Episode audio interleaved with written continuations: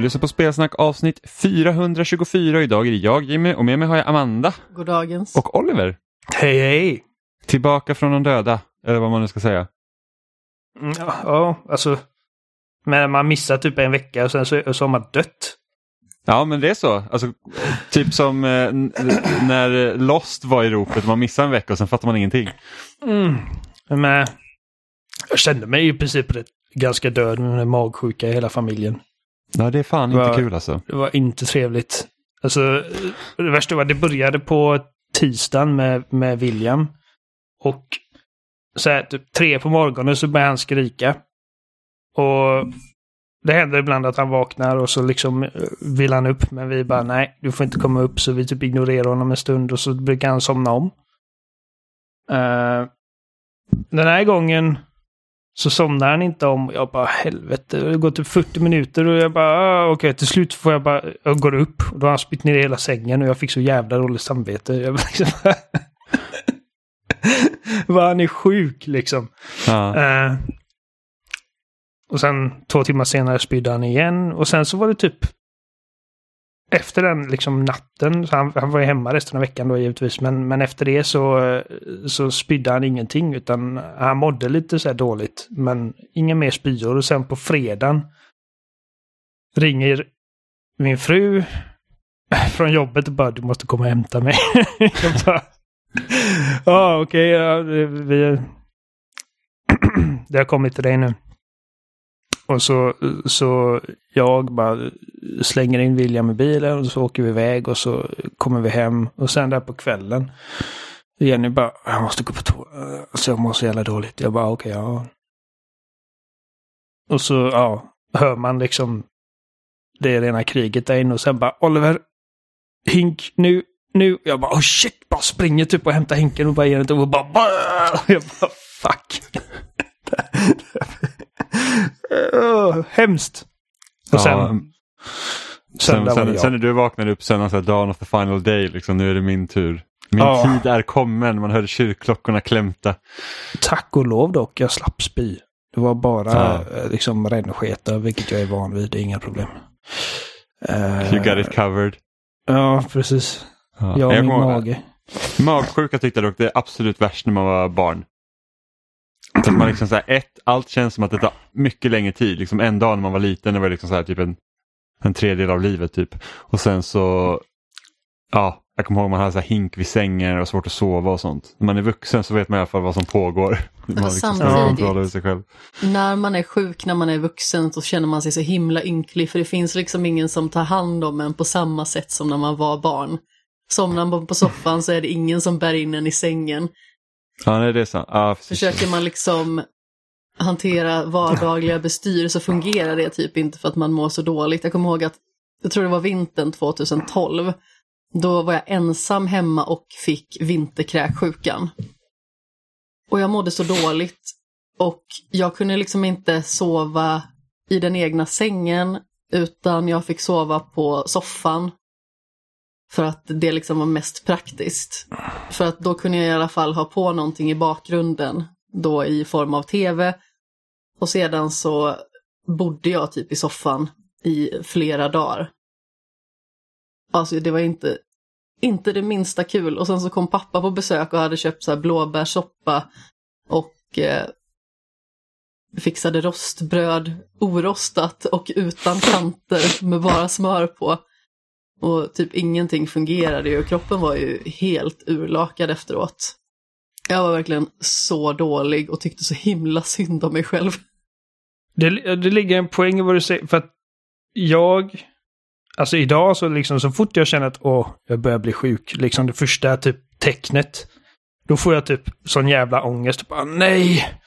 Inte nu, det är alltid världens sämsta timing. Man bara, inte nu, det är så dålig timing och man tänker typ på liksom, jag har massa skit jag behöver göra på jobbet och det är typ, åh, vad ska jag göra med William? Och jag minns aldrig liksom att jag kände det när jag var yngre att, åh gud, jag får inte bli sjuk. Då var det liksom bara, åh, jag får vara hemma en vecka. Och spela tv-spel och mamma typ eh, pyssla om mig. Och det märker jag på William också. Alltså, de, de liksom, när han inte spyr Så är han på ganska bra humör. Han går runt och leker. Han, han försöker liksom aktivera mig till att leka med honom. Även när jag är sjuk. Jag bara... Så att liksom i vuxen... Alltså...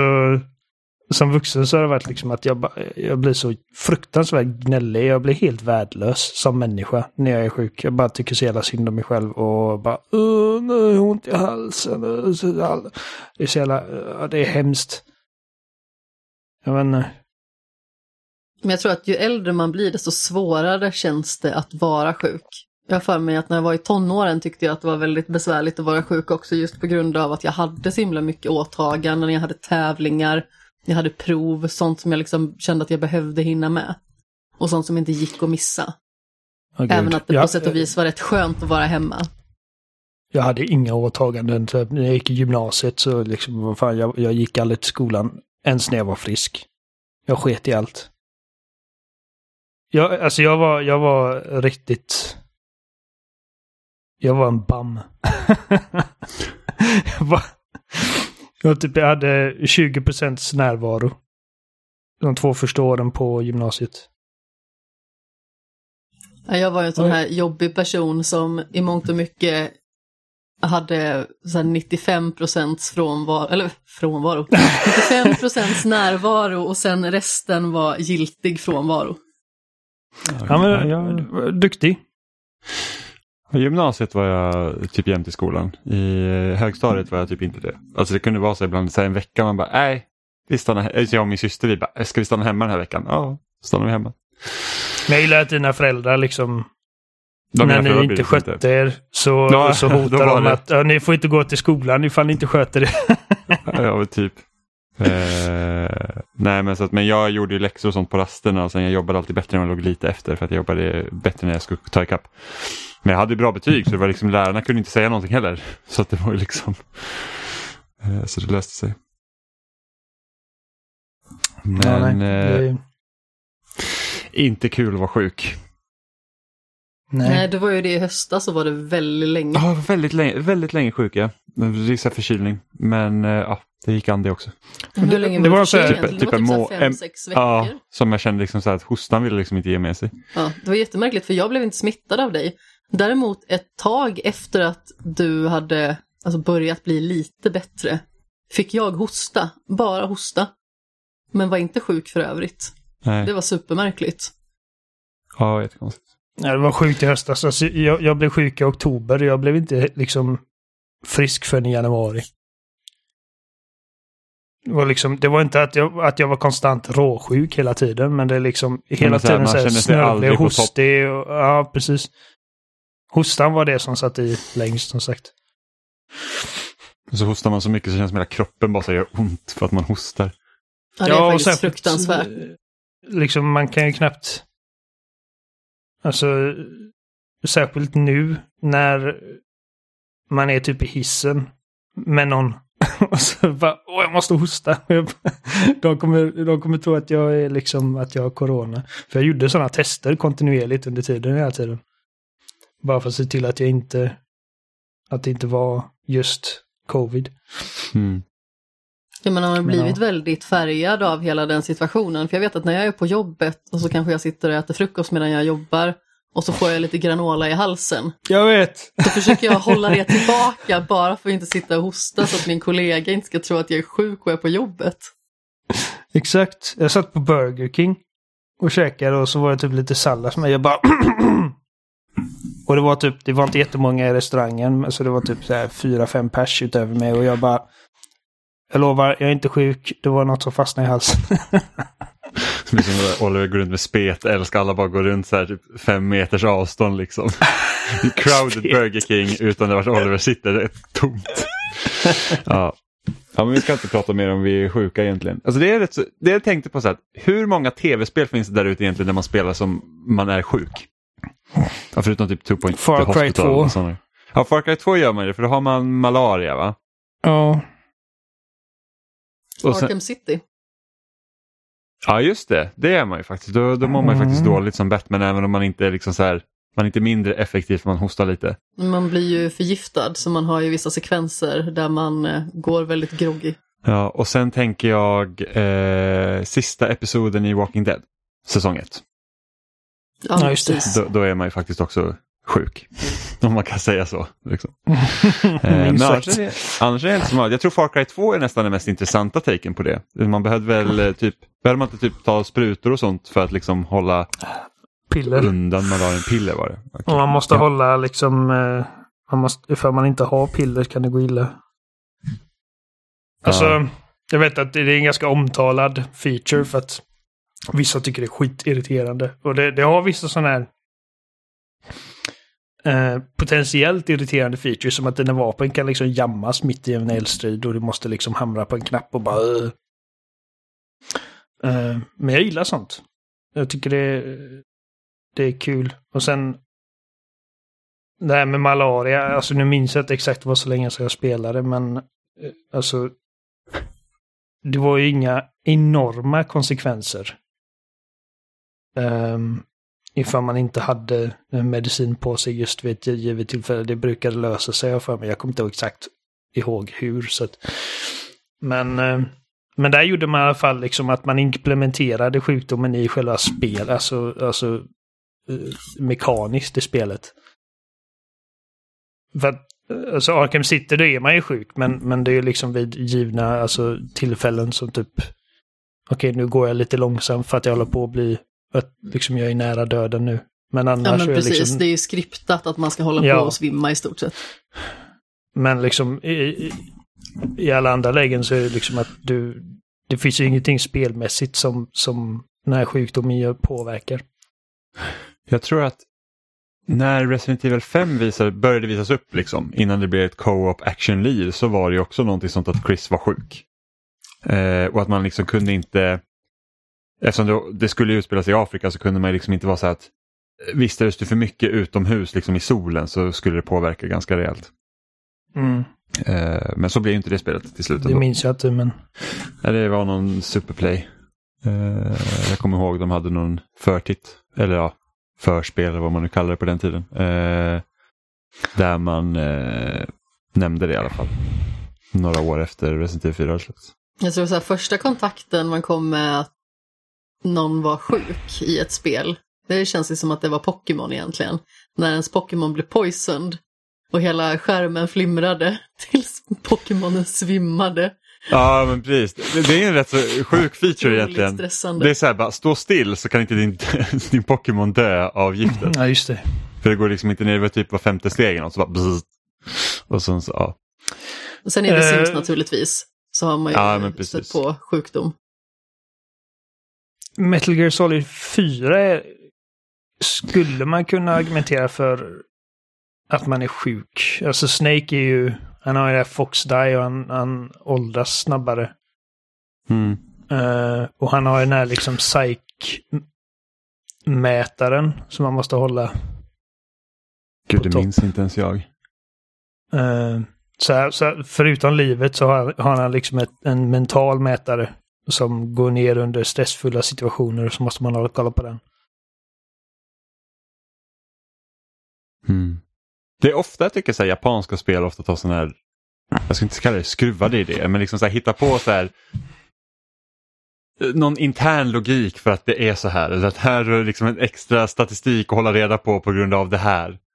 Eh, Alltså ambitionerna för Metal Gear Solid 4 var helt enorma. Och, alltså, jag, jag vet, jag såg en eh, video med Did You Know Gaming om så här cut content från Metal Gear Solid-serien. Vilket var kul för att den var, den, den var uppläst av David Hayter. ah, Eh, så det var, det var roligt. Eh, men där berättar de att planen för Metal Gear Solid 4 liksom från början var att du skulle kunna liksom... För jag vet att en stor grej med, med Metal Gear Solid 4 var liksom att du, du, Snake kommer tvingas ut på liksom aktiva stridsfält, liksom krigszoner. ah. Liksom där olika faktioner slåss mot varandra och du ska liksom försöka typ smyga dig förbi. Men det var mycket djupare innan, alltså liksom eh, tänk dig vara mycket djupare. Du skulle kunna alliera dig med en, typ ett land exempelvis. Ja. Eh, och det skulle helt eh, påverka liksom vart storyn tar dig och och eh, du skulle också kunna liksom vänta med att anta vissa uppdrag i krigszoner tills, tills det kriget liksom är slut. Vilket gör det då lättare att ta sig förbi. Um, och eh, och ifall du allierar dig med ett land så blir det automatiskt att det andra landet blir en fiende. Alltså det var jätteavancerat. Ja. Uh, men ja, som sagt så blev det ju inte. Nej, och jag antar att spelet var förmodligen för ambitiöst vad Playstation 3 klarade av. Ja, och det var ett tema liksom även för uh, de tidigare spelen, liksom att det var så mycket idéer han hade som, inte, som bara inte fick plats. Ja, Metal Gear Solid 5. Ja, där också, ja, precis. Mm. Där är typ, det saknas väl tredjedel av spelet egentligen. Ja, alltså där, där finns det mycket mindre information för att uh, varken Konami eller Kojima har varit särskilt sugna på att prata i detalj liksom kring vad som hände. Ja, jag antar det finns Kojima säkert kontrakt. Ja, precis. Ehm. men ja. Jag undrar vad eh, liksom Kojima Productions nästa spel kommer bli. Ja. Jag vet ju eh, att folk sitter och hoppas typ på Death Stranding 2 men jag hoppas ju att han inte gör uppföljare. Det är mycket roligare att få se nya grejer. Ja, jag håller med. Det är liksom så Death, alltså, idén med Death Stranding den är liksom gjord nu det här med att gå liksom runt. Alltså det, det jag känner man kunde då göra det är att man liksom går bort, mer bort från strider och liksom, liksom arbeta med det här liksom leveranssystemet och, och liksom den biten. Men så tittar man på Directors Cut så går de ju liksom mer åt stridshållet för att de ger fler möjligheter där istället. Så Mm. jag antar att det inte skulle bli något sånt för en uppföljare. Nej, jag vill se något nytt. Men jag också, eh, faktiskt. Men jag, kan liksom, jag har liksom ingen idé, jag har liksom ingen tanke så här, vad skulle jag vilja se dem testa göra? Nej, men, nej, men jag, jag, eh, jag är nyfiken på vad det än är. Som inte är liksom upp- uppföljare, liksom, o, oavsett vad. Alltså, det hade varit jävligt nice i och för sig att se ett skräckspel från honom eftersom att vi inte fick Mm. Silent Hills. Ja men precis, faktiskt. Ehm, men, men jag är öppen för vad som helst. Alltså, liksom, det är även... Även när det inte blir liksom... Det bästa... Alltså som Metal Gear Solid 5 är fortfarande typ det mest... Alltså största besvikelsen någonsin för mig sett till tv-spel.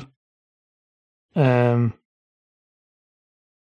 och det, det görs ännu värre av att jag tycker att det liksom på ett fundamentalt plan är typ asbra. Ja, ja men precis, alltså, det är liksom det kan nog vara en av de bästa liksom, så här, typ, taktiska tredjepersonsskjutarna. Liksom. ja, ja men verkligen. Eh, Och använder liksom den öppna världen till att inte fylla den bara med massa skit utan liksom så här, att här har du liksom ut, egentligen utmarkerade liksom banor där du liksom kan ta dig an de här bestyren på olika sätt. mm. Så att grundarbetet som lades där, det var det är liksom typ alltså industribästa för liksom stealth action-genren. Mm. Eh, Men jag tycker men även Ground att- Zeroes var ju liksom, alltså det var ju skitnice, liksom bara den där basen. Ja, ja men jag Som spelade fanns. det hur mycket som helst. Jag, Ehm, jag tänker jag körde alla Metal Gear Solid på rad. ja, det är Det låter som någonting du skulle göra. Mm, ja, men det var inför femman, jag var så här, "Ah, ja men nu är det dags. Och sen så köpte jag, jag lånade Twin Snakes till GameCube av dig Oliver. Mm. Och sen, eh, och sen så köpte jag den här HD Collectionen med eh, tvåan, trean och det Peace PSP-spelet, Peace Walker. Eh, och sen så körde jag, köpte jag fyran till Playstation 3 och sen Ground Zeroes då. Och sen jag har inte klarat ut femman. Jag slutade när man så här, ah, för att komma vidare måste du köra om några uppdrag som du redan har gjort. Det var så här, bara, va? Det här vill jag inte göra. så här är första uppdraget fast du är naken. Du får Ja, inte ta typ. med dig någon gear in. Och det är så här, bara, så visst, som sidostaff, fine, men liksom inte som krav att jag ska komma vidare. Nej, precis. Ehm. ja, nej, men, men så att även när han, liksom när Kojima inte liksom lyckas göra ett, ett mästerverk så är det ändå alltid intressanta grejer. Mm. Eh, som, alltså, som inte riktigt går att hitta någon annanstans. Och Death Stranding var väldigt intressant och väldigt unikt. Även om jag inte kände liksom, jag, jag hade inte direkt jättekul med det hela vägen. Ehm, Nej, det var på tok för långt också. Ja, och, Alltså var så och typ storyn 40, 60 var timmar. Ja, ja, men den var ju liksom... helt, Den helt... obegriplig. Alltså, jag, jag, jag fattar fortfarande inte vad fan som hände i slutet av det spelet. Äh, alltså det Ehm. blir ju... Det blir ju lite mycket. Men, men, men det är ändå liksom, jag ångrar inte att jag köpte det. Jag ångrar inte att jag spelade det. Och jag känner liksom att jag, jag fick någonting från det som jag, som jag inte har fått förut. Så att, som sagt, oavsett vad han gör så, så, kommer, jag, så kommer jag vara nyfiken på det. Mm. Så hur pepp är du på att Remedy ska göra om Max Payne 1 och 2? Åh! Alltså... Jag kan inte ens beskriva hur peppig. Alltså, jag vet, Adam skrev sms. Det där, liksom helt med versaler. Bara Dude! Dude! It's happening! Och jag bara, vad fan är det som händer? Han, han driver med mig. Remedy och Max Payne 1-2 remakes. Jag bara, nej du ljuger. Bara liksom det är typ det är för bra för att vara sant. Han bara, "Ah", så gav han mig länken och han och jag bara typ satt och skrek på varandra i telefonen liksom som små fangirls. Ja, ja, jag är excited om man säger så. Jag har Jag ju inte spelat Max Payne 1 och 2, jag har ju bara spelat trean. Och jag har ju köpt dem som, för de är bakåtkompatibla på Xbox. Så jag har ju Ja. spelen, men det här, och jag har dem även på PC. Jag kommer ihåg att när jag fick min liksom första laptop eh, och installerade Steam så, så köpte jag dem på någon rea. Men det har liksom aldrig blivit att jag har tagit med igenom dem. Så jag undrar så här, ska man vänta på remakesen och liksom gå in fresh eller vill jag liksom spela originalen bara för att man har något att jämföra med? Du kan lika gärna gå in fresh känner jag. Ja. Att det beror på, liksom, undrar om de kommer lägga till grejer eller ta bort grejer och sen så det så här att Ja, men då kan du kolla på, på de gamla sen. Ja, jo men precis. Se Eh, liksom vad som har hänt. Men just att det är liksom att det är Remedy som gör det. Eh, De har väldigt många projekt på G just nu. Ja, de har Alan Wake 2. Som det görs väl i huvudkontoret i eh, Finland och sen eh, Remedy, eller vad säger jag, Max Payne-spelen görs ju i Stockholm nu. Deras nya studio i Stockholm. Ja. Och sen Ehm, har de väl, jag vet inte om det är bekräftat, men har de, har de pratat något om någon uppföljare till kontroll? Inte vad jag minns. Eller om de har något projekt. För mig så här, kontrollgrejen hade ju lika gärna bara kunnat lämnas därhän för jag tycker att det spelet är verkligen... Uh. Ja, nej, alltså jag, jag är ingen kontrollfantast. Vi har pratat om det flera gånger. Mm. Både du och jag känner liksom att det är ganska överskattat. Jag är så förvånad över också att just det spelet fick så en jäkla stor dragningskraft hos liksom majoriteten. Så tänker man, men alltså... Det är kul att slänga grejer. Ja men jo det är kul. Det är alltså, kul att kraften slänga och sånt var roliga men jag, ty jag tycker fortfarande liksom att, att eh, Quantum Break var mycket roligare. Allas dröm att kasta kontorsmaterial har uppfyllts. Ja, ja men precis. Alltså största besvikelsen var egentligen det att det var liksom så här för att hänga med i berättelsen så behövde du liksom läsa en jäkla massa loggar och alla typ mellansekvenser de hade i spelet liksom made no sense. Eftersom man tänker, alltså, för det man tänker med Remedy, det är bara så här, vad bra, jag kommer gå in här och jag kommer få liksom en, berätt, alltså liksom en, en berättelse berättad för mig som förmodligen kommer vara spännande. Och sen så när liksom man Mm. satt och spelade, man så här, jag förstår inte riktigt vad som händer här och det är bara så här, det här betyder typ ingenting. Det har alltid varit väldigt karaktärsdrivet och Ja. mycket drama och, och det var liksom... Jag kommer inte ens ihåg vad hon i Control hette. Och alltså... Jessie va? Ja, kanske det var va? ja.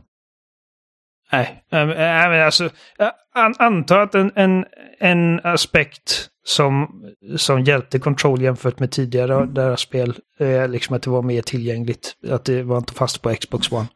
Ja, nej men precis. Ehm, och jag är glad över att, liksom, alltså jag är jätteglad över att eh, det blev en hit för dem. För att det, det har ju möjliggjort att de liksom eh, nu kan de göra ännu mer grejer, större projekt. Ja, men precis. På det Eh. planet är det ju liksom kanon. För eh, Remedy, alltså jag vet, jag, det vore väldigt synd att inte ha Remedy göra sin grej.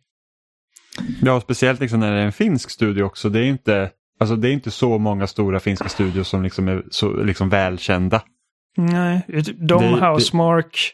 Och eh, eh, de ser Trials. ja, just Är det. de finnar? ja, det jag är minns de. inte, ja, jag minns inte vad Redlinks. den... Redlinks, ja precis. Ehm, Vilket, alltså den studion har också liksom, alltså sen Ubisoft köpte dem så har det verkligen blivit liksom lite nedköp känner jag. ja. Och Evolution var det senaste som jag liksom kände var "Ja, det här är kanon. Men, men de är i alla fall... De är i alla fall en spelare liksom.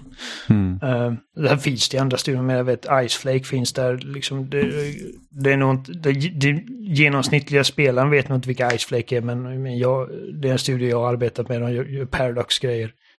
Mm. Ehm, men... ehm, Jag undrar om inte de som utvecklar City Skylines också är finnar. Från början. Jag, jag låter det vara osagt, jag är osäker men, men jag, det kan hända att de har någon finsk koppling. Nu ska vi se. eh,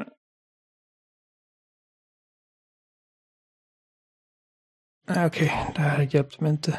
Jag försöker... Jag googlade Finnish Game Mm. Studios. Men... ja, nej, alltså, jag, jag, på din jag är extremt pepp på eh, Max Payne 1 2. Och jag... Jag funderar på... De sa... Det känns som att liksom storyn i ettan och tvåan kommer slås ihop till ett spel. Att det, att det inte är två spel Ah, de så att det, det är inte två remakes utan det är liksom Max Payne. Det, det var så jag uppfattade det i alla fall. Ah, Okej, jag, jag inte så... Okej, men det hade ju kunnat varit spännande. De spelen hänger ihop ganska hårt då, antar jag. Eh, ja, alltså mycket mer än vad trean hänger ihop med dem. Ja. Eh, det är bara liksom den grundläggande premi- premissen är liksom att det, det är bara en New York-polis. Som eh, har det perfekta livet. Liksom en vacker fru och en, en nyfödd. Och han har liksom the American dream. Och så kommer han hem en dag och de är mördade. Uh, av ett gäng knarkare som... Det är en ny drog som terroriserar gatorna. Och han gör det till sitt uppdrag att sätta stopp för. um, väldigt så här, Klassisk, klassisk hämndhistoria då. ja, hardboiled så här Noir Detective uh, Shooty Bang Bang. Mm. Och en ny Tomb Raider-spel har också bekräftats. Kommer på nu. Ja, Unreal 5. Precis. Vilket var, det var Eh, typ, det var det som var nyheten, att vi gör ett, nästan eh, Tomb Raider i Unreal 5 liksom. För att det var väl under Unreal ja, eh, en- showcasen. Precis, eftersom Unreal Engine 5 är släppt liksom för utveckling. Eller ja. Sa de något mer om nästa Tomb Raider? Nej, jag Nej. tror inte det förutom att de är liksom i startgroparna. Så frågan är det, kommer det här vara ett spel som fortsätter på Shadow of the Tomb Raider och kommer det vara en till reboot? Eh, Och vad hade ni velat se då? Vill, vill ni att det ska vara lite mer den här semi-öppna strukturen som vi såg från liksom 2013 och framåt eller skulle ni vilja att det tar liksom en ny inriktning? Alltså jag hade ju gärna sett att de hade gått tillbaka till den första remaken. Alltså det spelet som bara heter Tomb Raider. Och det är från Ja, 2013? men precis, där det liksom är lite mer strömlinjeformat och inte lika öppet. Jag tycker att eh, det gör sig väldigt liksom bra i den skruden. Jag tyckte att Rise blev lite för öppet, även att jag tycker att Rise är på det stora hela ett bättre spel. Och ett roligare spel. Men jag föredrar när det är lite mer stängt. Men det låter ju som standard jag å andra sidan. Jag trivs bäst i stängda landskap och så vidare. Ja, vad säger du då, Oliver? jag, jag är osäker faktiskt för att när jag tänker på den trilogin, den senaste, så känner jag inte att åh, jag vill se mer av det. Ehm, jag tror inte att det, att det blir en till reboot, för det känns som att Det är för nära på. Ja, precis. Det känns som att även om man hade velat så kan man inte med nästan. jag vet inte. Ehm. Men alltså om, om man får hoppas på någonting så blir alltså att det blir kanske en, även om det inte är liksom en regelrätt reboot, att det kanske blir en andlig reboot som typ Mm. Halo Infinite. ehm, där man liksom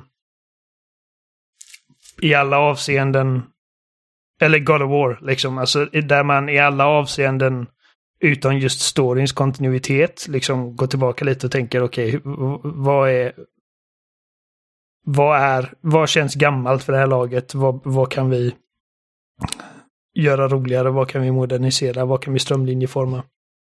Mm. Och hur gör vi en bättre berättelse än i Shadow of the Tomb Raider? För den var Ja. ju inte rolig alltså. Eller i någon av de spelen egentligen. För att, det är så att när man väl spelar dem, förutom Shadow, då, så känns det så här att ja, men jag hänger med och det är fine för liksom få mig att vilja se vad som händer. Men så fort eftertexterna rullar och man stänger av så glömmer man bort precis vad spelet handlar om. Men där och då är det spännande i alla fall. Alltså när jag tänker på Shadow of the Tomb Raider så tänker jag bara på det med avsmak. Ja, ja, men det var ju för att det var så jävla korkat. Det var så här, bara, åh, jag startar apokalypsen och sen så tar vi inte i det mer. Nej men precis, alltså det var ju fortfarande roligt rent fysiskt att spela. Men själva berättelsen var bara så fånig och så orimlig att man kände liksom att det är svårt att motivera sig att fortsätta spela. Mm. Nej, jag hoppas ju att de, som jag i princip ofta säger, med att de liksom så här att bort med det här open world-fluffet, liksom att man ska typ hitta massa olika collectibles som egentligen inte gör någonting och det här fokusera stenhårt liksom mer på pussellösningar. Det är så att du ska, om du ska ha den här liksom skatten eller den här tummen du ska liksom leta efter så byggs hela spelet runt det.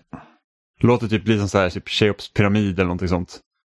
Man liksom så här bara kommer djupare och djupare ner och liksom måste lösa olika saker och sen så är det klart. Typ. Koncentrera dig till ett ställe. Om ni fick välja eller fantisera fram ett spel som ni hade velat liksom skulle utannonseras.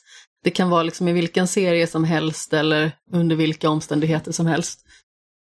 Eh, naturligtvis att det kanske inte ska vara så här, ja men Breath of the Wild 2, som vi vet liksom kommer. Något spel som kanske är lite mer kanske i ritbordstadie, åtminstone vad vi vet. Eller något spel som inte har utannonserats och kanske aldrig kommer göra det. Vad hade ni velat ha då? Just nu. Säg att det här spelet helt plötsligt droppar imorgon. Det var en väldigt svår fråga. Jag vet inte, Alltså, Mario Kart 9? Nu är vi där igen med Mario Kart. Ehm, ja, om vi ska göra det lite svårare för oss så bara inga uppföljare till etablerade serier. Ehm, Jaha, nej men det var exakt eh, det som jag hade tänkt. ja, Så precis. Jag, jag, fick det, jag, jag fick det känsla av det med Jimmy bara, Mario Kart 9. Ehm, en, ja, grej men som, det får vara uppföljare. Naturligtvis. en grej som jag alltid, eller i flera år nu, liksom återkommit till i fantasin som, som typ den perfekta liksom giftermålet är att Rockstar skulle släppa typ ett piratspel. Ja, just det. Den har vi pratat om förut tror jag. Mm. Inte i podden kanske, men eh, internt. Och detta var liksom någonting jag tänkte på. ehm, för jag menar alltså det bästa med Black Flag, Assassin's Creed, eh, var ju liksom piratgrejerna men det är också liksom dränkt i massa jävla fluff bullshit som, som alla andra av de spelen. Du vill Ehm, bara röva runt helt enkelt. Precis, jag vill vara en sjörövare och eh, jag vill ha ett liksom ett tufft narrativ om för alla som har sett Black Flag vet exakt vad jag, vad jag är ute efter. Jag är inte intresserad av den här Pirates of the Caribbean med David Jones och stora bläckfiskar utan mer liksom ett liksom... Precis, inga övernaturliga grejer utan det är liksom... Precis, alltså... eh, För att... eh, Det som riktiga pirater gjorde och vad de utsattes för är fan bra mycket läskigare än vad, eh, än vad eh, jättebläckfisk är. Ehm, Mm. Så Men man jag, hade tänker gärna, liksom... jag hade gärna fått se att de hade balanserat på det här att finns det övernaturliga grejer eller inte, även om det inte finns då. ja, så att men man liksom alltså, så här, människor den från... skräcken, Eller gör det. ja, men så här, den skräcken när de är ute på havet, liksom, att nu är det storm och jäklar nu kommer David Jones liksom fast det inte kommer. Då. Människor Precis, det är på den exakt vad tiden... man tänker. Människor kommer på den David tiden. Jones. Ja, det, definitivt. pirater och människor på den tiden, de, de var ju vidskepliga och liksom så att alltså den mytologin får, kan ju finnas där. Men eh, Jag, vet inte, jag bara tänker liksom på vilken typ av studio som Rockstar är. Eh, där de liksom, de tar inga genvägar till någonting. Eh, och jag bara kan föreställa mig liksom hur coolt det hade varit att få kontrollera ett liksom piratskepp i en i ett Rockstar-spel där liksom med den sinnessjuka liksom eh, detaljrikedom de har. Och vad de hade gjort med liksom havssimulation och olika väder och och hur avancerat det hela skeppet hade varit. Om man tänker liksom typ på Red Dead Redemption 2 liksom och vilken... Bara, bara det att rida häst och att sköta sin häst, liksom hur, hur, hur detaljerat det är och så liksom ta de designprinciperna och sätta det på ett stort piratskepp. Liksom. Uh, och med deras liksom fantastiska liksom writing och deras färgstarka karaktärer och kompromisslösa berättande. Alltså det, jag kan inte tänka mig så många mer sexiga koncept än ett Rockstar piratspel alltså. Mm. Ja du Jimmy, förutom Mario Kart 9. Ja, Mario Kart 9, Som ja, precis. Mario Kart 9 med alla Nintendo-karaktärer. Nej, jag skojar bara. eh, nej, alltså jag tror jag nog hade velat mer spinna vidare på typ, jag skulle vilja ha något mer liksom alldagligt eh, scenario. Eh, jag hade nog velat spela typ journalist. Eller någonting sånt. Där det egentligen går ut på att du liksom gör, alltså undersöker eh, liksom ett fall eller vad som helst. Det kan vara mordmysterier eller någonting sådär. Men där, liksom, där stora delen av liksom det spelmässiga är att du ska söka information. Journalister är fan Eh, badass. Ja, men liksom så här, vi har ju typ Beyond Good and Evil. Eh, så där, där du spelar egentligen som journalist slash Och Twin fotograf. Mirror som jag spelade i somras. Ja, men Tw- Twin Mirror det är liksom mer åt det här Don't Nod eh? Liksom att man... Ja, det är exakt vad det är. Ja, men precis. Det, det är liksom den typen Life is Strange, liksom, den typen av spel. Jag Ja, vill men, liksom precis. men man var journalist. Ja, absolut. Men jag vill ju inte ha så här att ja, men här väljer du liksom kolla lite på mellansekvenser, väljer några dialogval. Utan jag vill liksom så att det här ska liksom vara mer ett pusselinriktat spel men du spelar ändå som en, alltså typ Alan Wake, liksom, du har en tredjepersonskamera och du liksom går runt liksom i en stad och sen så söker efter liksom grejer och, och sn- snor ihop liksom trådarna själv. Eh, Säg att man har varit ett team då, att du, du är journalisten och så har du med fotografen och sen så händer någonting och sen ska du ta reda på vad som har hänt och sen så, ja. Så rör man ner det. Liksom en, en, en öppen värld, en stad, liksom. inte, inte någon så här typ, jag kommer inte vara på samma nivå Och så som har typ du Rockstar. kontakt inne på Liksom. mordråten. Ja men typ, liksom så får man, ja, så hamnar man i någon så här konspirationshål. Ja, men liksom så här lite som typ eh, Backbone var. Fast inte liksom mer som ett picka-klicka-spel utan som är liksom ett tredjepersons äventyr. Ja, men absolut. Det hade jag nog velat haft. Ja, nu har jag ju två idéer i och med att du Oliver sa att det ska vara någonting som liksom inte redan finns då. Eh, det jag tänkte på, alltså jag vet att det har kanske nämnts lite löst och det har kanske utannonserats till och med, men Nino Kuni 3 vill jag ha. Det hade jag velat Mhm. ha imorgon. Mm. Eh, Jag älskar liksom den typen av värld och hur de har byggt upp liksom det här magiska, mysiga i både första och andra spelet. Även att just på berättarfronten så var ju det första spelet väldigt mycket starkare, men andra spelet var roligare att spela. Men om man ska ha liksom något spel som kanske inte har gjorts, eller i alla fall vad jag vet inte har gjorts, alltså jag hade velat ha, om jag går tillbaka till min barndom, ett liksom typ Muminspel i rollspelsformat. Det ska ju komma ett eh, Snusmumriken-spel ju. Ja, det kanske det ska. Mm, det ska komma. Jag vet inte exakt vad det är för typ av, vad det är för typ av spel. Men, Men det alltså, ska det hade ju komma varit fantastiskt. Alltså som sagt, Muminfamiljen består ju till ganska så stor del av barn och ungdomar liksom. Så man hade kunnat göra det väldigt lekfullt, att man har typ med sig så här träsvärd på skoj eller man kan kasta äpplen på folk eller vad, vad tusan det nu kan vara liksom. Eh, och så har man kanske det här äventyrliga elementet där man tar sig ut på olika resor och tar sig förbi ensliga bergen och sådär eller åker till Hattifnattarnas ö. Eller vad det nu kan vara, eller till fyren. Så det finns ganska mycket att göra där och jag tror att det hade kunnat bli ett väldigt charmigt rollspel där man hade kunnat göra väldigt mycket med väldigt enkla ting. samma sak, typ göra ett riktigt bra deckarspel i Scooby-Doo-världen liksom. Vad Alltså jag vet att jag går tillbaka väldigt mycket till liksom min barndom, men det hade också varit väldigt roligt. Alltså jag har ju sett några så Gameboy-spel med Scooby-Doo och de har väl varit sådär, Ja, typ, om jag ska vara helt ärlig. Men då är det ju säkert ett plattformsspel där man bara typ hoppar över Nej, spöken och grejer. Det har inte Nej. ens varit det, de har varit eh, lite svåra, har jag för mig. Men jag tror att det hade kunnat eh, göras väldigt bra liksom i dagens klimat och med dess möjligheter. Det hade kunnat bli jätteroligt och framförallt i och med att då har man kanske fem olika karaktärer som man antingen skulle kunna ha fem olika berättelser eller så behöver man liksom göra sådana här val att man ska dela upp sig och gå och leta efter olika saker och sånt.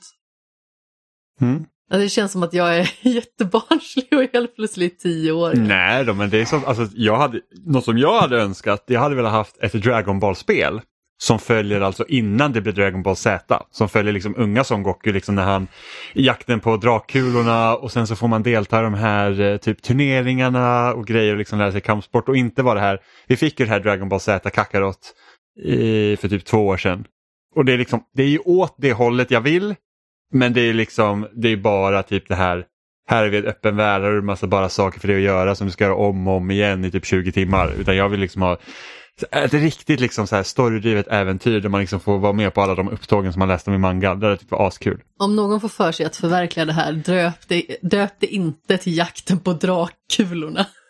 nej, nej, men liksom man letar efter Draculaorna för att ja, Bulma då som man träffar i början, hon vill ju bara ha en pojkvän. Det är liksom hennes mål och sen så hamnar man med på den resan. Men det är liksom, ja, det hade varit, det hade varit super tycker jag. För då, Men namnet låter suspekt. hade man träffat Red Ribbon Army och sen alla andra karaktärer som man träffar och får göra massa roliga grejer och sig in och träna med honom. Ja, det har varit skitkul. Tycker jag. Eller typ ett Pokémon Snap som inte går på on-rails. Så man liksom får typ, vad fan var det för spel? Jo men typ, eh, spelade Bugsnacks.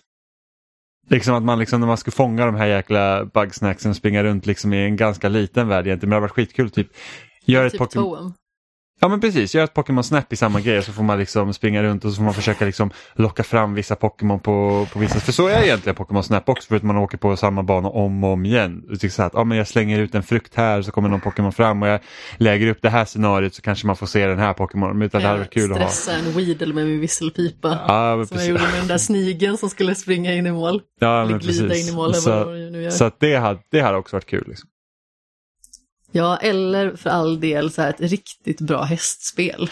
Ja, jag jag hade gärna velat haft ett spel där man får föda upp hästar och tävla med dem. Helst trav då, även om galopp är mycket större. Men det hade varit skitkul. Så jag liksom. hade hellre velat tävla i hoppning. Nej, men fuck that. Roligare också spelmekaniskt. Nej. Jo. Kö, köra häst, det, that's where it's at. Och så får man föda upp och så får man försöka hitta bättre liksom, stammade hästar. Och, ja. Skitkul. Nej men alltså återigen, för vad det var på den tiden så var arvet från Rosemond Hill jätteroligt. Aldrig spelat. Nej men alltså som sagt, kollar man på det nu är det skitfult. Ja, ja. Eh, Men jag minns liksom att tävlandet var jätteroligt. Men hade man liksom gjort ett lite mer öppet och fritt hästspel där man liksom fick välja hur man skulle tävla, hur man skulle lägga upp sin träning och lite sådana grejer. Eh, och kanske handla lite med olika typer av hästar och hitta en häst som fungerar bra för en själv och sådär. Eller att man liksom bara har en lite mer så här strömlinjeformad berättelse där man liksom får välja en häst från början och sedan ska man liksom fullfölja en berättelse med den. Så skulle det också kunna vara. Jag hade älskat det. Det är Superskärmigt. ja. Och har du något mer spel du hade velat se, Oliver? Massor, men ingenting som är liksom en, någonting som är jätteintressant att prata om kanske. Ehm, men vi har ju faktiskt spelat ett nytt spel i alla fall eh, den här eh, veckan. Och det är ju faktiskt eh, Lego Star Wars. Eh, The Skywalker Saga. Så jag och Amanda vi har spelat tillsammans och jag vet att du också har spelat det Oliver. Eh, har du spelat det själv eller har du spelat det i co Jag spelar det själv. Så vad tycker du? Det är så, det är så kul. Jag... Eh, det var precis vad jag behövde. Efter typ Elden Ring och, och Horizon och liksom bara någonting där jag bara kan gå och slå sönder allting och få ett stadigt flöde av små liksom legobitar som belöning för allt jag gör. Lite som muttrarna i Ratchet. Precis. Och det första jag uppgraderade, eller ja, det första jag siktade på att uppgradera var den här magneten som gör att man drar till sig från längre avstånd. Så det bara... Uh, och, sen bara det ser så jävla bra ut. Alltså det är liksom alla de här typ Lego-karaktärerna ser verkligen ut som Lego-gubbar. Uh, de, liksom, de här små imperfektioner som man hittar på plasten liksom. Uh, på riktiga Lego-gubbar. De finns här också liksom under, eh, under högra armen kan man se den här Lego-stämpeln de har. och det absolut bästa är fortfarande mellansekvenserna. Uh, där de aldrig missar en chans att göra sig roliga över någonting. Typ som Anakin. Uh, sover alltid med, typ, med ett gosedjur. och när han sitter vid gädda i rådet så sitter han och ritar med kritor. Liksom. Um, det... Ja, eller för all del liksom när man möter Darth Maul för första gången och eh, Obi-Wan Kenobi undrar varför det liksom inte kommer ut två stycken klingor. Ja, precis. Bara, det är lite. jätteroligt liksom. Varför kommer det inte ut laser åt båda hållen här? Ja, det hade varit skitkul om det hade kommit ut en bara så här liten så här, och typ spetsat honom. Det är typ så jag känner. uh, men jag vet att Jenny, planen var ju från början att jag och Jenny skulle spela, men hon, men när spelet släpptes så var hon bara, nej jag orkar inte spela, du får spela själv. Jag bara okej, okay, inga problem. Um, men hon tittade liksom typ episod ett så är det liksom en scen eh, när Qui-Gon Jin springer, springer in i eh, Jar Jar. Och de ligger på marken liksom medan den här stora jävla typ eh, svävande pansarvagnen eller vad det är kör över dem och han slår skallen i och liksom det är gjort så att varje, varje gång jag slås i skallen så blir det liksom en not och det blir dun, dun, dun, dun, dun, dun. ja, det var jätteroligt. Um, så alltså den, den charmen som genomsyrar precis allting. Det, det är det som höjer det till någonting utöver bara liksom, ska man säga, eh, hjärndöda, slå, slå sönder allting och, och samla legobitar. Um. Ja, alltså jag tycker skärmen är någonting av det viktigaste i hela spelet. För att det tar ju sig själv inte på jättestort allvar. Nej, verkligen inte. Och det är ju väldigt trivsamt tycker jag. Och det är de här mellansekvenserna som är mysiga på något vis. Jag tycker att det är ganska roligt också att springa runt och slå sönder saker. Det är ju lite där jag är och Jimmy springer runt och löser pussel medan jag har sönder en massa lyktstolpar och parkbänkar och grejer. Bara för att få mer sådana här pluppar. Eh, och sen så hamnar Jimmy så på efterkälken och står och gör något pussel medan jag går liksom eh, slår sönder robotar och grejer. Mm. Eh, men något som jag har problem med i det här spelet är att det är lite för öppet på ett sätt som gör att Eh, vi kommer ifrån varandra. Och jag tycker det är svårt att hitta tillbaka till varandra igen. Förutom om man bestämmer sig för att nu ska vi liksom följa den här markören så vi tar oss till huvuduppdraget. Mm. För det känns liksom som att vi springer iväg och gör lite olika saker och visst det kan ju funka. Men det blir inte så mycket samarbete på det sättet och det är väldigt sällan som samarbete behövs och sen så finns det många ställen där det liksom är så uppenbart att ah, men här ska du återvända sen. För att du behöver kanske den här karaktären eller en karaktär som har den här förmågan och kan göra det här. Eh, så det känns lite synd. Eh, och sen jag som andra spelare har ju liksom fått spela typ en droid och eh, någon som jag inte ens kommer ihåg vad hen heter. Någon nisse med pistol, typ. Så det är inte alltid man får spela så här jättespännande karaktärer heller. Ja, just, ja precis. Och det, det, det, är någonting jag har tänkt på också liksom, när jag spelat att... Um, Okej, okay, vem är det Jenny hade fått vara här? Eller jag, ifall jag liksom låter henne vara den huvudkaraktären. Man, man är ju fått byta antar jag, men... Uh, som när, eh, när Obi-Wan går upp mot Anakin i slutet på Episod 3 så, så har man med sig C3PO och R2D2. Liksom.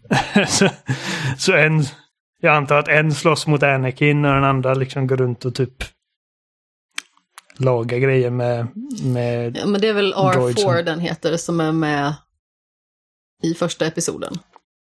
Eller hur?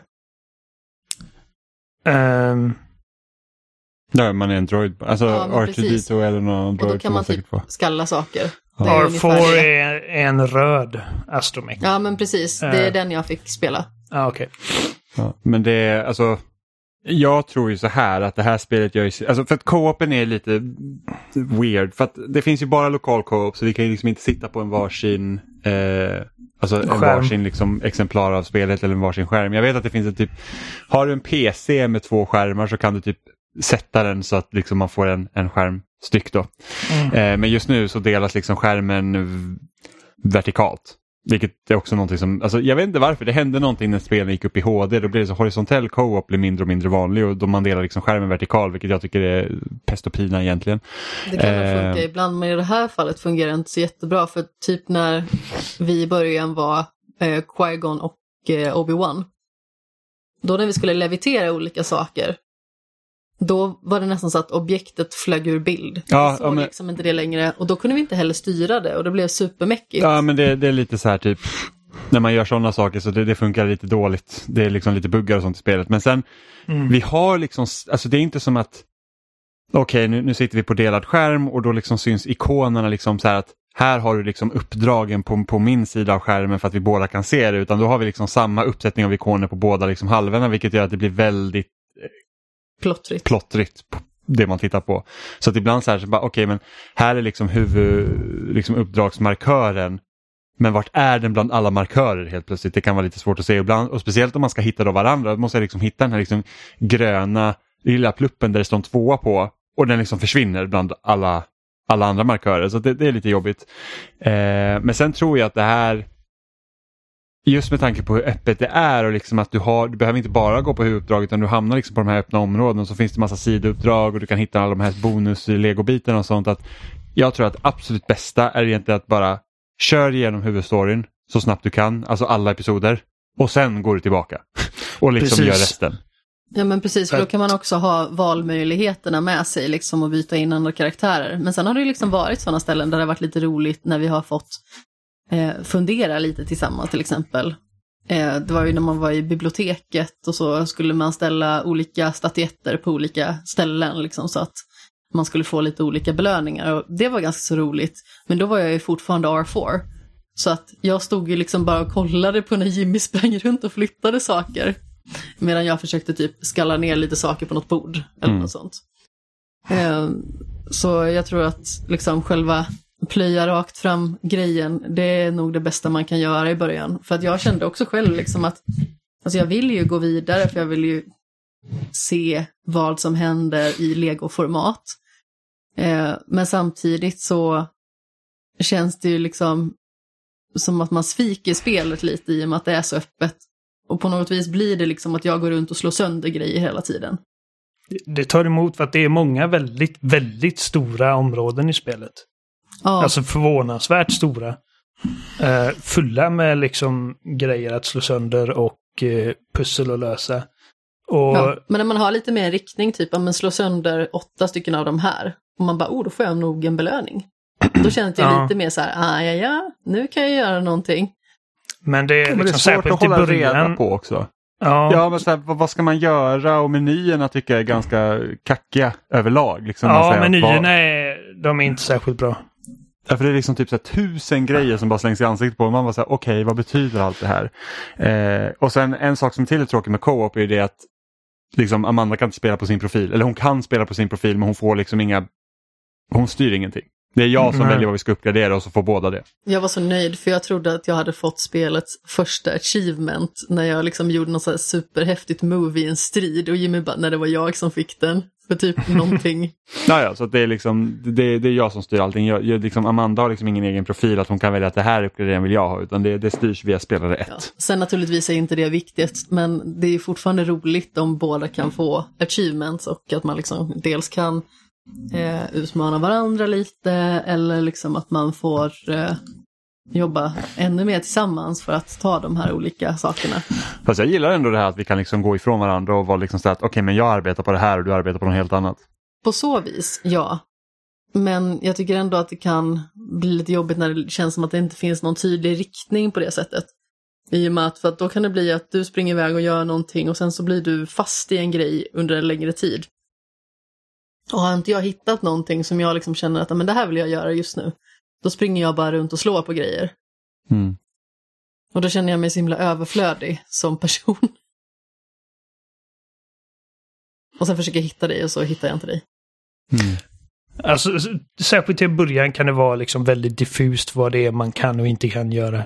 Eh, och det tar en stund, eller det tog en stund för mig liksom att inse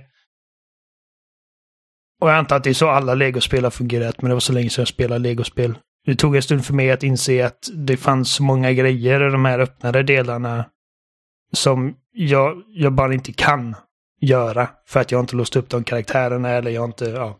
Det finns olika klasser så att det finns vissa pussel som bara en scoundrel kan göra och vissa eller bara en Bounty Hunter eller en eh, eh, Protocol Droid kan göra. Ifall man inte har en sån med sig just då så då är du utelåst från det och då är tanken liksom att du ska återvända senare. Så att eh, när jag insåg det, det var då jag kände, ja men då, då behöver jag inte känna mig liksom tvungen att göra allting. Liksom, utan, jag, utan jag kör på med storyn och sen dess har det varit ett bra tempo för mig. Um, men det är liksom det är vissa pussel som det är lite diffust vad det är man ska göra. Ehm, I vissa grejer som inte riktigt förklaras. Um, ifall man inte går in liksom typ på hint-sektionen i din så här hollow, hollowpad eller vad fan det kallas. Mm. Ehm, Det är väldigt gulligt dock när man ser den lilla legofiguren till ens kompis som då står och eh, kollar på sin lilla pad. Typ om jag går liksom förbi Jimmys lilla legofigur som står och kollar på den. ja, det har jag inte Det sett. tycker jag är charmigt. Då har den liksom själv. stannat upp och kollat. Ja, det är ändå skönt att jag kan gå in i menyerna själv liksom, utan att stanna hela spelet. Mm. För det hade ju också Mm. kunnat vara en sån grej att jag trycker på paus och då är det så här att ah, nu får ingen spela. Ja. Utan att vi kan vara så frikopplade från varandra, det, det gillar jag. Men som sagt, det hade varit skönt att ha liksom en lite lättare riktning. Men, men vi är ganska tidigt också, vi är, på, vi är typ på mitten av episod två. Mm. Så att vi har liksom inte kommit så långt än. Men det är liksom så här att, det är så här bara, åh, vill man springa på eller vill man inte springa på? Men jag tror att det är bäst att springa på. Mm, men vi har liksom inte sprungit på heller så mycket. Det är därför vi inte riktigt har kommit någon vart. Nej, nej, men för att jag liksom så här, bara, och här är ett pussel som jag gärna vill liksom, för att, så här, annars kommer jag glömma bort vad jag liksom har hållit på med här. Jag bara, åh, här är en lyktstolpe jag kan slå på. Mm. Men, eh, Jag är för dålig på Men- saker helt enkelt. men en sak som jag är förvånad över det är liksom så här att jag tror att för att få så, alltså om man inte så här litet barn som tycker att det är kul att bara röra sig runt liksom i en värld, eh, typ som Spyro eller typ som Kirby för, som vi pratade om för två veckor sedan, var ju typ så att okej, jag kan tänka mig att en liten person tycker att det här är jättekul för att man kan typ hoppa och slå lite så här, men jag eh, liksom om man vill ha liksom lite mer än så, så, så kan det bli liksom tråkigt. Men, men eh, no, något som jag liksom eh, blir överraskad över här, att det är liksom nu är vi klara liksom med hela episod 1 och man följer liksom den storyn men känner man inte till källmaterial från början så tror inte jag att man liksom säger att wow vad spännande eller någonting utan det handlar ju nästan bara om att att här är ikoniska scener som man får se i legoformat. Ja, ja, men exakt. För att det, annars tycker jag liksom så här att hade inte jag haft koll på Star Wars hade liksom så här att vad fan gör vi allt det här för? Liksom. Nej, jag hade Ja, nog alltså- inte brytt mig alls. Det är svårt, det är svårt att säga. Ehm, Ja, men jag För- tror att du har mer koll än vad jag har på Star Wars. Oliver. jo, jo, det kanske jag har. Men eh, det är också svårt jag är för mig att någonstans liksom koppla bort mina... Liksom, alltså min kunskap och min kärlek för Star Wars från detta. Det går liksom inte. Mm. Så att det är jättesvårt att säga för mig att hur, hur någon som inte vet vad Star Wars är hade tyckte om det. Men jag vet liksom att största tjusningen med spel för mig är bara liksom att se liksom mina favoritscener i det här liksom legoformatet och med, med en extra liksom typ humoristisk spin på det. Um, mm. Kör du med voice eller kör du med mumble mode? Jag har testat båda och det slut, i slutändan så kör jag voice för att um, det fungerar. Jag tycker liksom att rösterna är rätt bra. De har inte liksom tagit bara de har inte bara rippat voice lines från filmerna och satt in utan de har faktiskt spelat in dem med nya skådespelare och eh, liksom, de gör ett ganska bra jobb. Um, och när man tar Mumbo, för att det är rätt mycket dialog ibland. Alltså inte, inte som i ett Witcher-spel, men alltså det är betydligt mer dialog här än vad det är i eh, liksom originalspelen. För där var det liksom bara att, alltså de kommunicerar ju nästan bara med typ så här axelryckningar och och kroppsspråk. Och här så liksom Mumble ersätter ju liksom dialogen med men det är ju fortfarande exakt samma längd på varje dialog. Um, mm. och, och du har liksom subtitles under så att um, så att det blir ju inte den här liksom expressiva grejen som legospelen var i början när det inte fanns liksom voice lines utan liksom de behövde verkligen förmedla allting via vad karaktärerna liksom fysiskt gör. Snarare Precis. än liksom att med någon voice. Ja. Så att det, det är liksom... Men exakt, alltså de är fortfarande väldigt expressiva och det händer ja. väldigt mycket i mellansekvenserna som inte är dialog. Alltså liksom typ som kejsaren liksom snabbt städar undan sitt skrivbord med alla Sith-föremål och grejer han har när jedis kommer in. liksom. um, så att den expressiva liksom, uttrycksfullheten finns fortfarande där. Det är bara att det liksom, det, det, den uttrycksfullheten är inte längre det enda som bär narrativet. Mm. Och eh, Mumble är liksom, det, det, är väldigt kul att det finns där. Um, men jag, jag, tycker ändå att dialogen fungerar. Um, alltså det som är mest imponerande för mig med det här spelet är att, alltså bara hur expansivt det är. Du har liksom, som sagt, jättestora områden eh, som du kan utforska fritt och de är väldigt liksom kärleksfullt återgivna från filmerna och liksom du, du vet exakt. Du, du bara känner igen en plats när du ser, ser den. och det finns så mycket liksom eh, skämt och och grejer som Star Wars-fans kan uppskatta och så mycket fanservice och liksom... Det är, bara, det är bara ett enormt spel. Där du kan låsa upp liksom i princip varenda karaktär du kan föreställa dig från den här serien och varenda skepp du kan föreställa dig från den här serien. Jag vet att det, det saknas ett par här och där, men vad fan, det finns hur många som helst. Och, ja, men som sagt, jag tror inte jag hade haft någon jättestor behållning av det här om inte det hade varit så att jag... Alltså nu gillar jag ju Star Wars. Ja. Mycket. ja. Och jag tror inte jag hade liksom brytt mig så himla mycket om när typ Darth Mauls avhuggna huvud hoppar fram med sin sån här ljussabel i munnen. Liksom. jag tycker det är jätteroligt. Alltså den, den scenen var så himla skoj. Jag hade ju inte brytt mig om jag liksom hade varit totalt oinvesterad i Star Wars. Nej, men jag hade inte brytt mig om detta var Star Trek exempelvis. Um, men, men, men det spelet... Det är, det är ett spel för Star Wars-fans. Så, så är Definitivt. det liksom. Och alltså, jag menar, min, min, min eh, tvååring, eller nu är han inte två, ett och ett halvt, eller han är snart två. Skitsamma, liksom. Alltså, min son hade säkert haft jättekul med det för att när man är liten så, så, så är det mesta kul liksom. Men, men det är ett spel för Star Wars-fans och eh, jag tror inte att de har varit så oroliga för åh, hur roligt kommer detta vara för någon som inte är Star Wars-fan. För att för det första, alla är Star Wars-fans nästan. Till någon grad liksom. Um, för att det är liksom världens största varumärke i princip.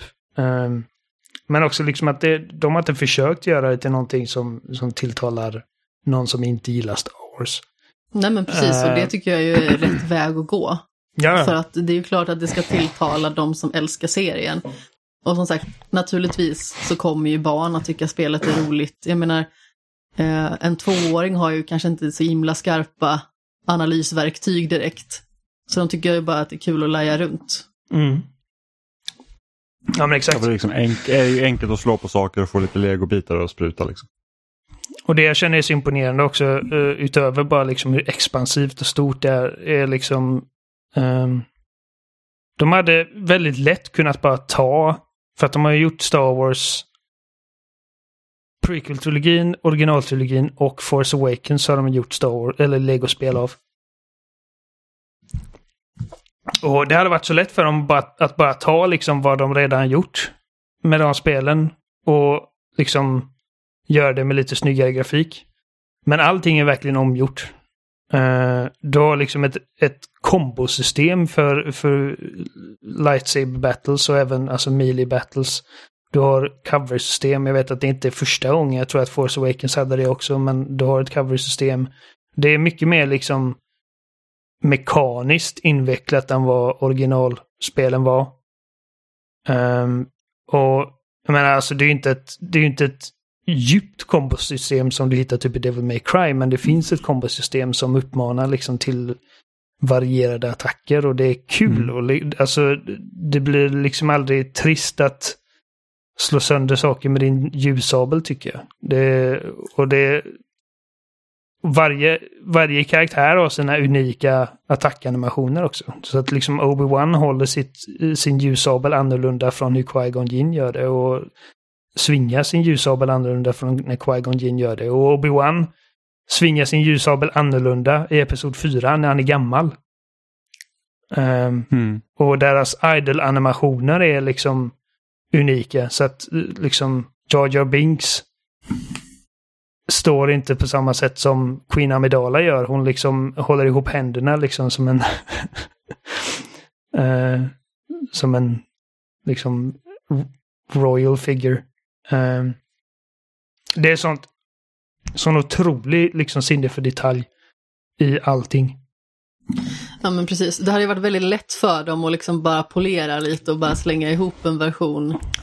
Precis, om man kollar liksom, liksom, på, eh, på när man körde rymdskepp och, eller typ podracing i föregående spel så var det liksom nästan som ett overhead-perspektiv. Och nu är det liksom fullt 3D och liksom ska man, rymdstriderna är inte jättelångt ifrån vad man ser i Battlefront 2 exempelvis. Nej, uh, det finns en ganska stor liksom bredd på saker man får göra när man går liksom i storyn. Så att liksom att Racingen vi... på Tatooine tyckte jag var jätterolig. Ja, men racingen var kul. Det var liksom roligt att få typ så här skjuta katapulter och, mm. och det är ganska kul att flyga liksom skepp. Och du, du, liksom, du behöver ju inte flyga mellan planeter om du inte vill. Du kan liksom snabbt bara teleportera dig dit. Så att liksom man kan ganska vraka och välja själv liksom vad man vill liksom investera sig i mer eller mindre. Ja. Jag tror spelmässigt det roligaste för mig är ju att slå på saker. Det känns ju lite som att det kanske är mitt varumärke också. Ja, men det är kul för att det är liksom för att eh, det är gjort av lego och liksom när du slår på sakerna så går de sönder som lego, eh, lego ska gå sönder. Vilket är bara en tillfredsställande liksom grej att göra. Och sen så får du alla de här små liksom legopengarna som sugs åt dig och du får liksom feedback på hur mycket. Så det är liksom alla de här typ dopaminskjutande grejerna som man, som man har i tv-spel, de, de finns här. Um, precis som med muttrarna i, i Ratchet Clank som du nämnde, Amanda. Ja, ja, men precis. Det går ju liksom uh, rakt in i belöningssystemet ja, direkt. det blir aldrig gammalt och, liksom tar din wrench och slår sönder en stor stack av uh, lådor som sen liksom förvandlas till en typ tusen små muttrar som sugs mot dig. Uh. Um, det är lite som när man dammsuger upp grus. Alltså jag vet, dammsuga är ju inte roligt. Men att dammsuga upp grus är jättekul.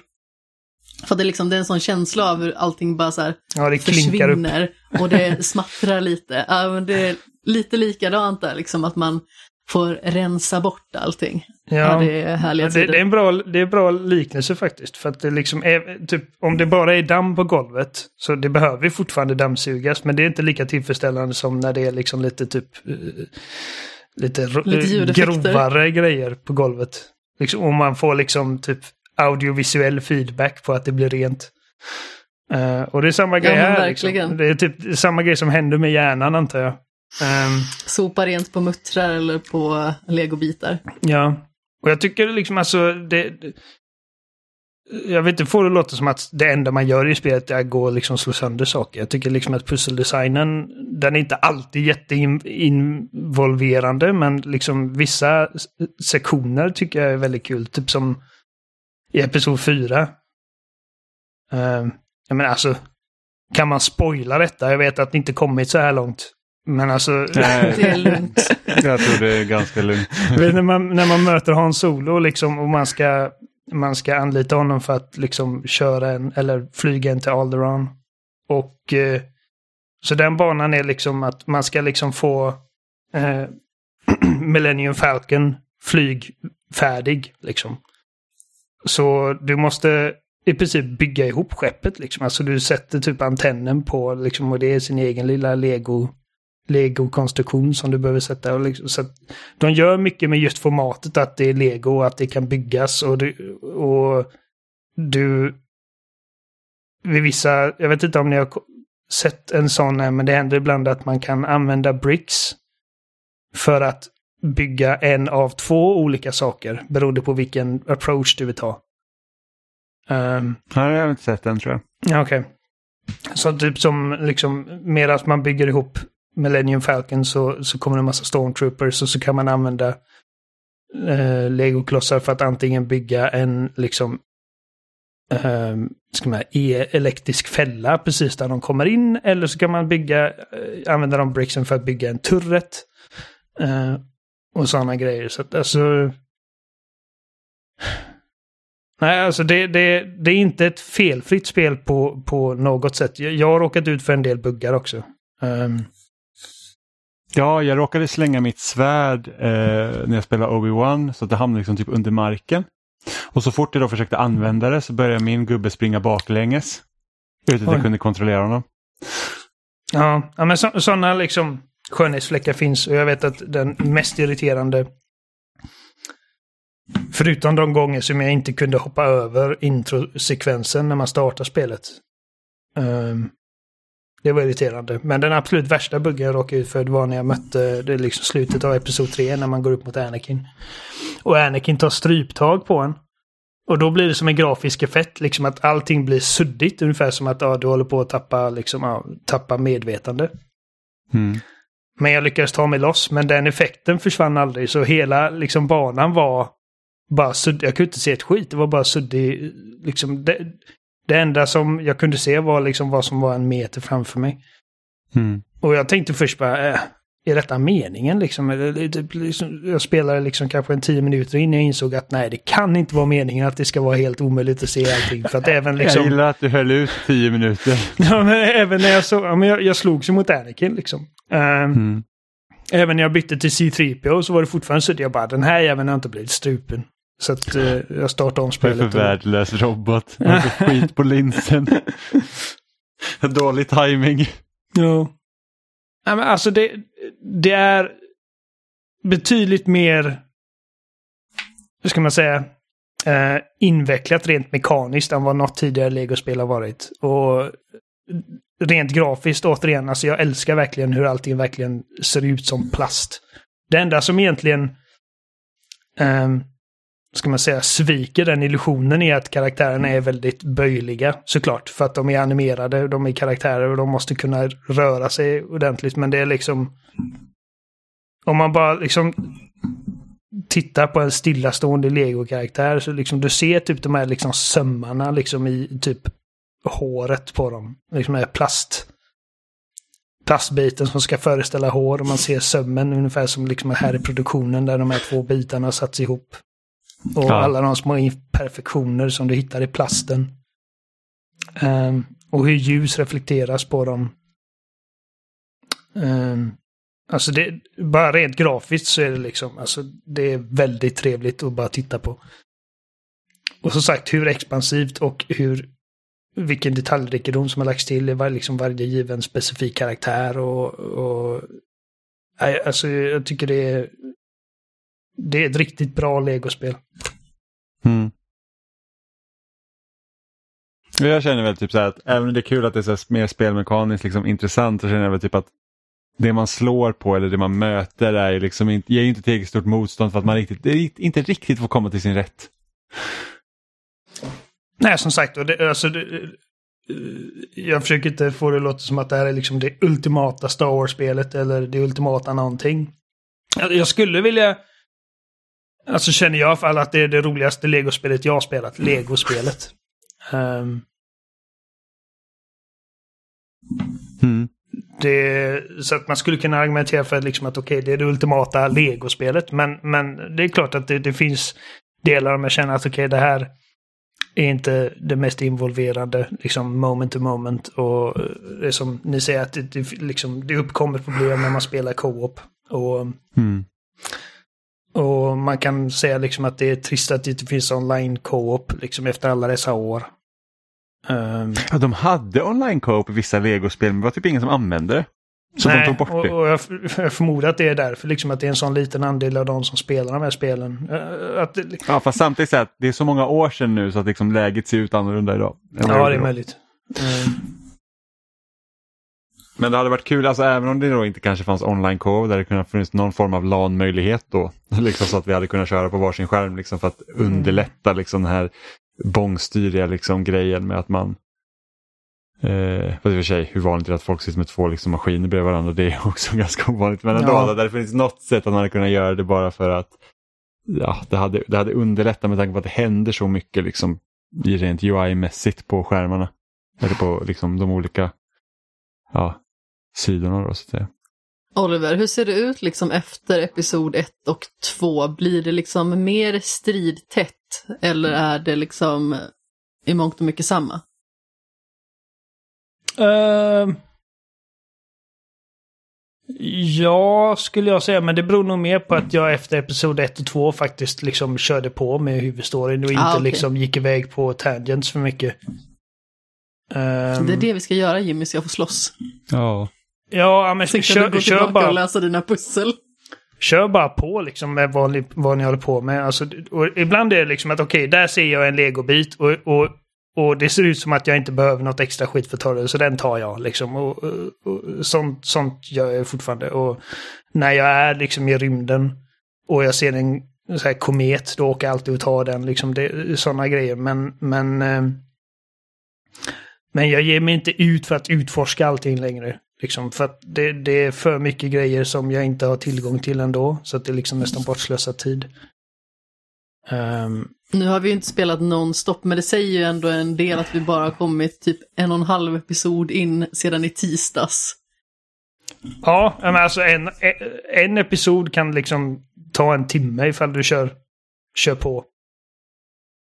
Um, så att jag har tagit mig liksom fram ganska snabbt. Som episod ett tog ganska lång tid för mig för att jag var verkligen noga med att liksom, man kommer till tid på Naboo och man bara liksom okej, okay, det måste finnas massa grejer här och man springer runt och det, liksom, det händer ingenting.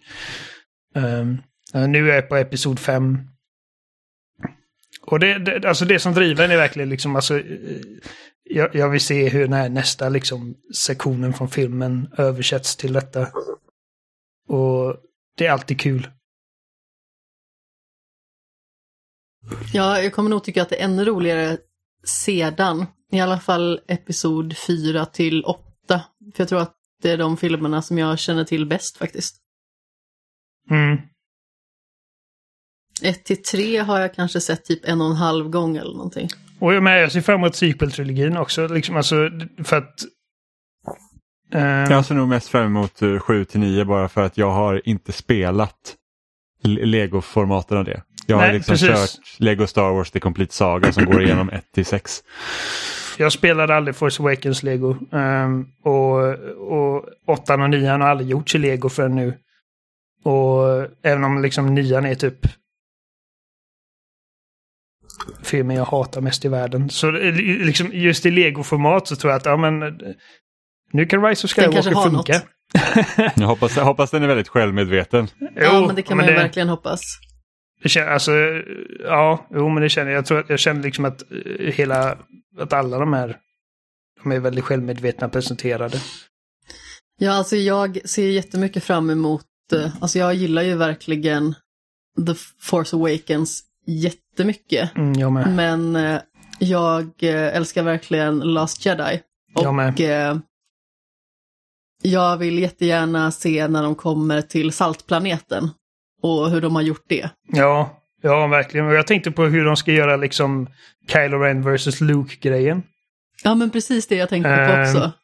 För att det, det kan kan bli... bli spännande. Ja, vem, kommer man spela som Luke eller förmodligen Luke?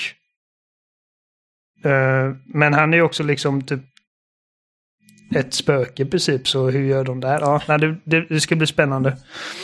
Och... ehm, och jag tycker att det ska bli kul eh, att se just... eh, vad heter det? Den här dynamiken mellan Ray och, och, och Kylo. Och tronrumsscenen. Alltså den kommer säkert vara jätterolig. Eh, när, han- när han dödar Snoke och de börjar slåss mot tronvakterna. Och liksom... eh, jag, jag vet inte, jag har inte kollat upp det här, men jag garanterar att de gör några skämt med liksom eh, shirtless Kylo. Det måste de göra. Förmodligen. Och jag, liksom, jag vet liksom att de, alltså de är också väldigt medvetna om det, liksom att Kylo Ren är liksom en Vader-fanboy. För att jag vet att någon testade liksom att, att eh, slänga ihop de två karaktärerna. Och Kylo Ren bara Oh, it's him! Okej, okay. okej okay, Kylo Ren. Don't freak out. ja, det, ja. Det, ja, det, det ska bli kul. Mm. Nej, men det ska bli kul att spela vidare också. Får pinna på med storyn då så att man inte fastnar i de här olika, olika grejerna. Men sen är det alltid kul liksom att höra typ Star Wars-musiken och liksom så här, Jag slutar aldrig tycka att det är kul när liksom den sekvensen kommer in. Så rappt. Ja. Och sen, bara så här att något som jag bara säger liksom så här, typ Alltså den här press start-skärmen är ju liksom helt fantastisk när man ser liksom alla karaktärerna. Ja, och när man fin. ska välja Alltså- episod också. Jag älskar de här små panorama, rörliga panorama typ sätten. Eh, det är svårt att beskriva. Eh, Mm, ja men det ser ut som små, ja, men typ så här en liten Captain Toad-nivå fast Lego Star Wars liksom. ja, ser det ut typ. som. En liten liksom så här, en sammanfattning av hela episoden, liksom en liten så här typ lit, liten Lego liksom fyrkant Ja, med karaktärer på. Nej, men så att det, det är verkligen ett kärleksbrev till hela liksom Star Wars. Så att det är kul. verkligen. Men eh, det var nog allt vi hade för den här veckan. Vi har inte spelat så mycket mer eh, än så. Jag har fortsatt typ i Weird West men liksom, ja, inte kommit längre. Jag känner mig rätt färdig för idag faktiskt. Ja. Eh, men ni hittar oss som vanligt på spelsnack.com och där finns också länkar till alla ställen vi finns som Facebook, Instagram, Twitter eh, om ni vill följa uppdateringar. Eh, ni hittar oss också såklart i er favoritpodcast-app som Spotify, Apple Podcasts eller diverse RSS-flöden. Eh, ni kan mejla till oss på kontaktetspelsnack.com eller byta ut kontakt mot några av våra förnamn at spelsnack.com om ni har funderingar eller vill fråga någonting eller om ni tycker att vi ska prata om något speciellt. Eh, så hörs ni oss igen som vanligt nästa vecka. Hej då! Hej! Puss i ömsken.